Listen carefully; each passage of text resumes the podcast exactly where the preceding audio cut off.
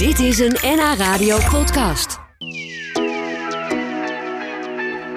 Het is alweer twintig jaar geleden dat Herman Brood een einde maakte aan zijn leven. Fotograaf Gerard Wessel die volgde en fotografeerde Herman jarenlang. Hij ging met hem op reis en ze beleefden allerlei avonturen. En intussen maakte hij tegen de 20.000 foto's van Herman Brood. Over alles wat ze samen meemaakten heeft Gerard nu een boek gemaakt... met foto's en verhalen over deze bijzondere vriendschap. Of was het toch meer een werkrelatie? Nou, het was, het was zeker een vriendschap. Uh, maar bij ons stond altijd de fotografie stond op nummer één. Dus als we afspraken of ik werd door helemaal gebeld, wat vaak gebeurde, dan stond er altijd iets te gebeuren. Er was een, uh, een radioopname of er was een uh, LP-opname of er moest werk worden gesigneerd. Er was altijd iets stond te gebeuren. Oké, okay, en dan belde hij jou, zo ging dat? Ja, hij belde mij. het was natuurlijk die tijd werkte voor de Nieuwe Revue, dus ik zat heel vaak in het buitenland. Maar als ik dan terug was, dan werd ik door helemaal gebeld. En dan spraken we af en dan was het altijd van Gerard camera bij je? Ik zei, ja, altijd. En dan stond er altijd iets te gebeuren. Of ik moest een nieuwe bandfoto maken. Ja, maar je wist soms van tevoren helemaal niet waar je heen ging. Je werd gewoon gebeld Nee, maar van... soms gingen we gewoon, uh, deden we gewoon een rondje Amsterdam. Dus dat betekent, we spraken af bij mijn huis. Ik woonde op de Singel. En dan gingen we gewoon rondlopen. En dan uh, gingen we naar de Zeedijk of de Dambrak of uh, naar het Vondelpark. En dan over waar we kwamen, daar gingen we fotograferen. Dus we zochten altijd plekken op waar iets, waar iets gebeurde. Ja. En uh, ja, met Herman gebeurde altijd wat. Hij werd door mensen benaderd. Hij werd herkend. Hij ja, deed gekke het, dingen. Hij vond het leuk om aan te krijgen. Hij deed gekke dingen.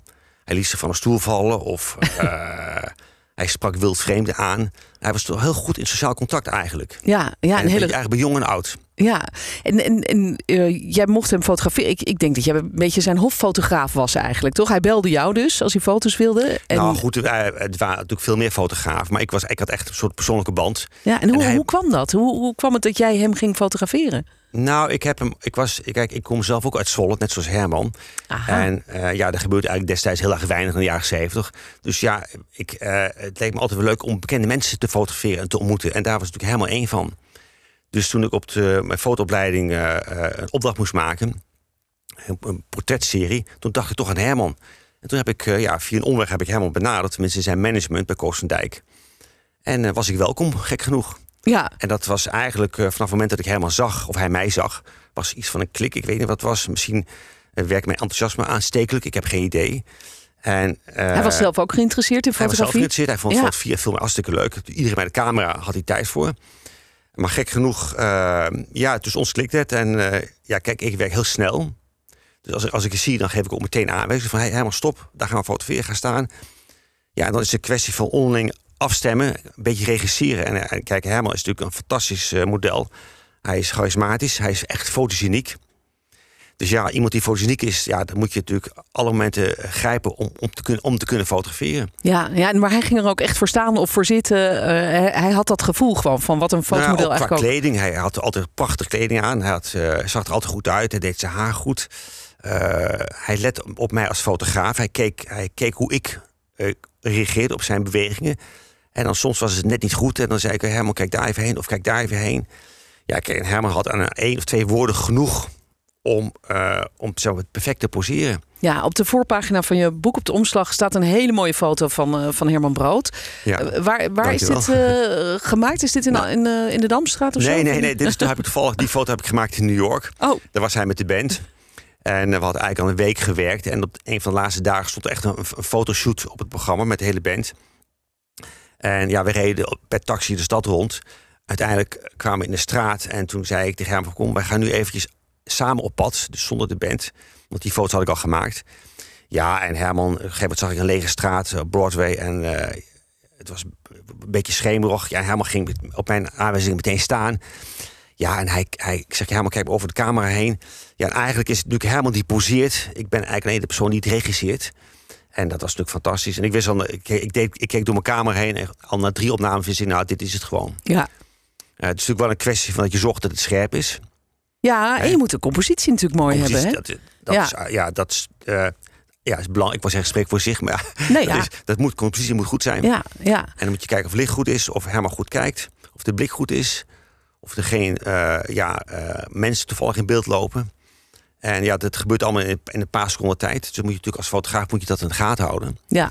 En eh, ja, dan moet je het moment moet je vastleggen. Ja, en dat lukte dus heel vaak. Want je hebt heel veel prachtige foto's van hem gemaakt. Ik denk dat nou, heel veel mensen jouw foto's wel eens gezien hebben. eh, want die zijn in heel veel tijdschriften en alles altijd gebruikt. En ook voor platenhoezen volgens mij. Laten nou ja, ja, zeker LP's. Ja, Ehm, Ja, eh, ook wel eens dat ik kwam bij hem in zijn atelier en dan lagen daar een paar LP's. En zei hij, zei helemaal wat raar, want het zijn mijn foto's.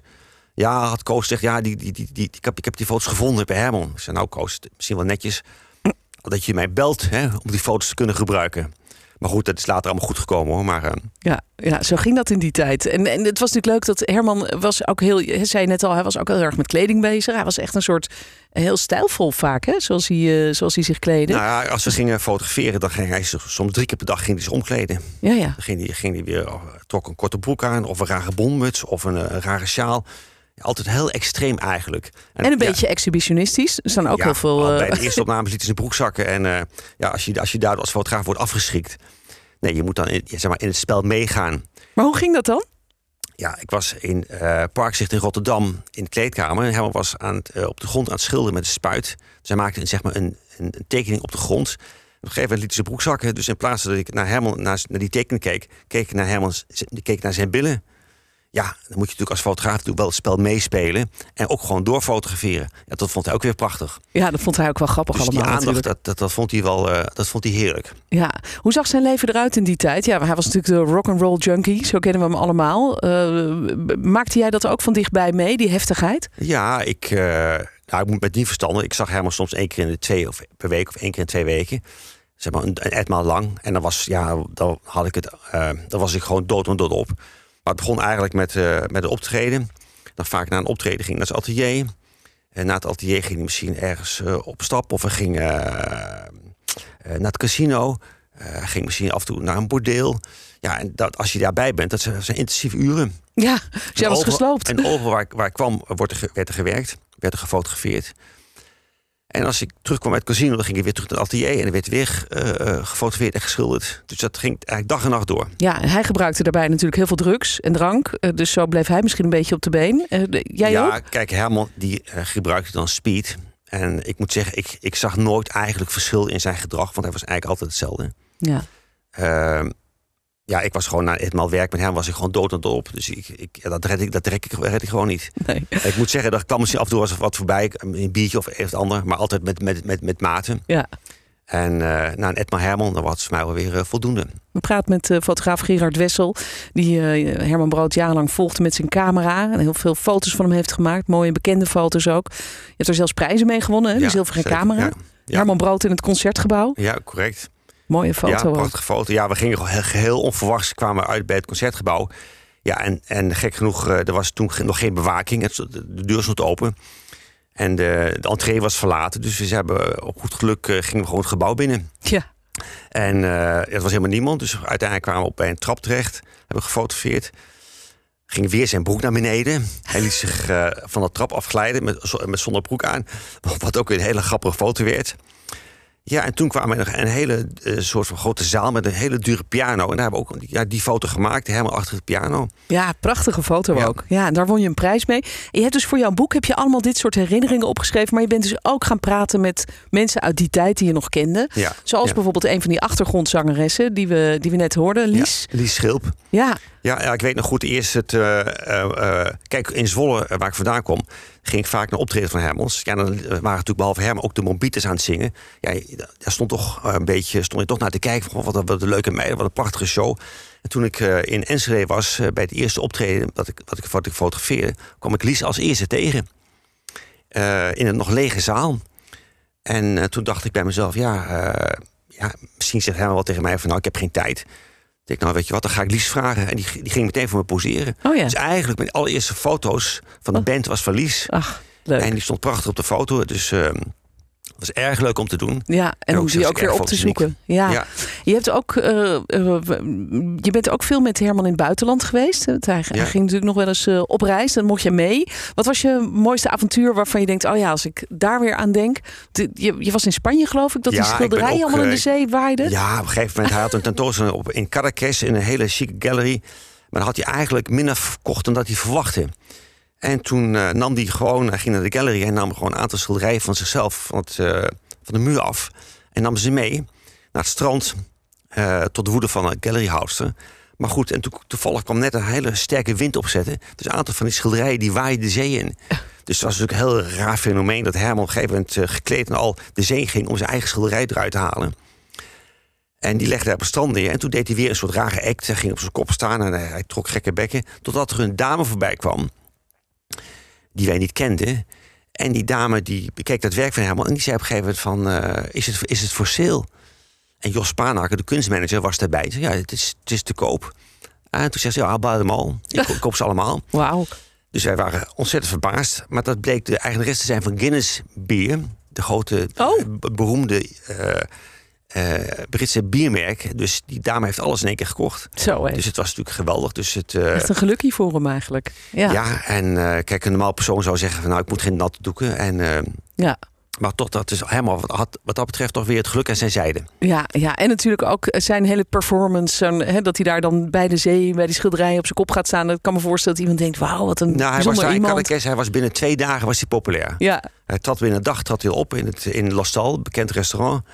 Dus hij was eigenlijk binnen, binnen één à twee dagen was hij zeg, een lokale beroemdheid. ja, En eh, hij is nog jarenlang is hij terug geweest om daar eh, ja, zijn vakantie te vieren. ja. Mooie verhalen. Eh, het liep natuurlijk uiteindelijk niet goed af, want het ging steeds slechter met Herman. Heb je die periode eigenlijk naar zijn einde toe ook nog heel ja, met hem echt meegemaakt? Heb je... Ja, ik ben nog zeg maar een half jaar voor zijn voor zijn overlijden naar, met Herman naar Bonaire geweest, samen met Boy Beekman, journalist. En eh, Is daar ook die foto gemaakt met die, eh, met die vogel? ja, toen had hij op een gegeven moment een. eh, nee, hij had een leguaan had hij op Oh, zijn hoofd. leguaan Een ja, op zijn. Ja, ja. En die wilde eigenlijk eerst met Herman alleen gaan. Maar toen zei Sandra, nou Gerard, het lijkt me verstand dat iemand meegaat. Want hij heeft toch wat verzorging nodig. En ja, Sandra had, had gelijk. Want eh, ik kwam aan in Bonaire. Toen zat hij al op mij te wachten. En op Boor. Met de leguaan leguaan op zijn hoofd. Ja, hij was al dronken. Maar goed, we hebben toch een paar dagen hebben we op Bonaire hebben rondgereden. En eh, prachtige foto's gemaakt. ja. Maar je zag er wel dat hij toch, ja, hij was, eh, lichamelijk was hij sterk achteruit gegaan. En eh, hij was nog wel steeds fotogeniek, maar hij had toch wel moeite met bewegen. Het ging allemaal wat trager. Hij was toch een beetje de scherpte kwijt. Maar het was nog steeds Herman, toch nog steeds onze Herman. Ja, zag jij toen aankomen dat hij een einde aan zijn leven zou maken? Nou, dat niet, maar ik heb al wel, eh, ik had wel daarvoor foto's gemaakt dat hij zichzelf een pistool in zijn hoofd zette.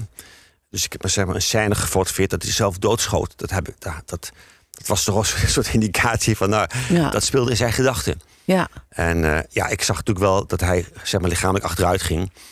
Ja, en ho- hoe lang hou je dat vol? Eh, ja, eh, alle lichamelijke functies begraven het. Dus je wist wel, ja, of hij moest zich laten, hij moest laten, moest worden, moest afkicken, ja, of misschien naar verzorgingshuis. Maar ja, het, was, het, het einde van het rock'n'roll leven was natuurlijk wel in zicht. ja, dat was Dus er moest iets gebeuren. Ja, heftig. Nou, je hebt een, eh, een, een mooi deel van zijn leven met hem gedeeld. En, eh, en eigenlijk daardoor ook met ons. Want, want je hebt al die mooie foto's gemaakt. En een heel groot aantal daarvan staan hier in het boek. Maar er zijn er nog veel meer. Eh, ga je Ja, daar... ik heb ook met name natuurlijk ook een beetje het belicht zijn met kunstenaarsleven. Hè? Ja. De meeste, meeste mensen kennen zijn muziekleven. Maar ik heb heel veel gefotografeerd in het atelier. Dus ik heb heel veel, zeg maar, zeg maar dat, dat, dat kunstenaarschap heb ik belicht. Ja, En dat was heel leuk om dat van dichtbij mee te maken. En, want ja, ik ontmoette andere kunstmanagers, andere kunstenaars. En dat was altijd heel eh, inspirerend om bij te zijn. ja, we lezen het allemaal in het boek. Brood heet het. En dan heel klein eronder. En Gerard Wessel. Dit was een NH Radio podcast. Voor meer, ga naar nhradio.nl. Radio.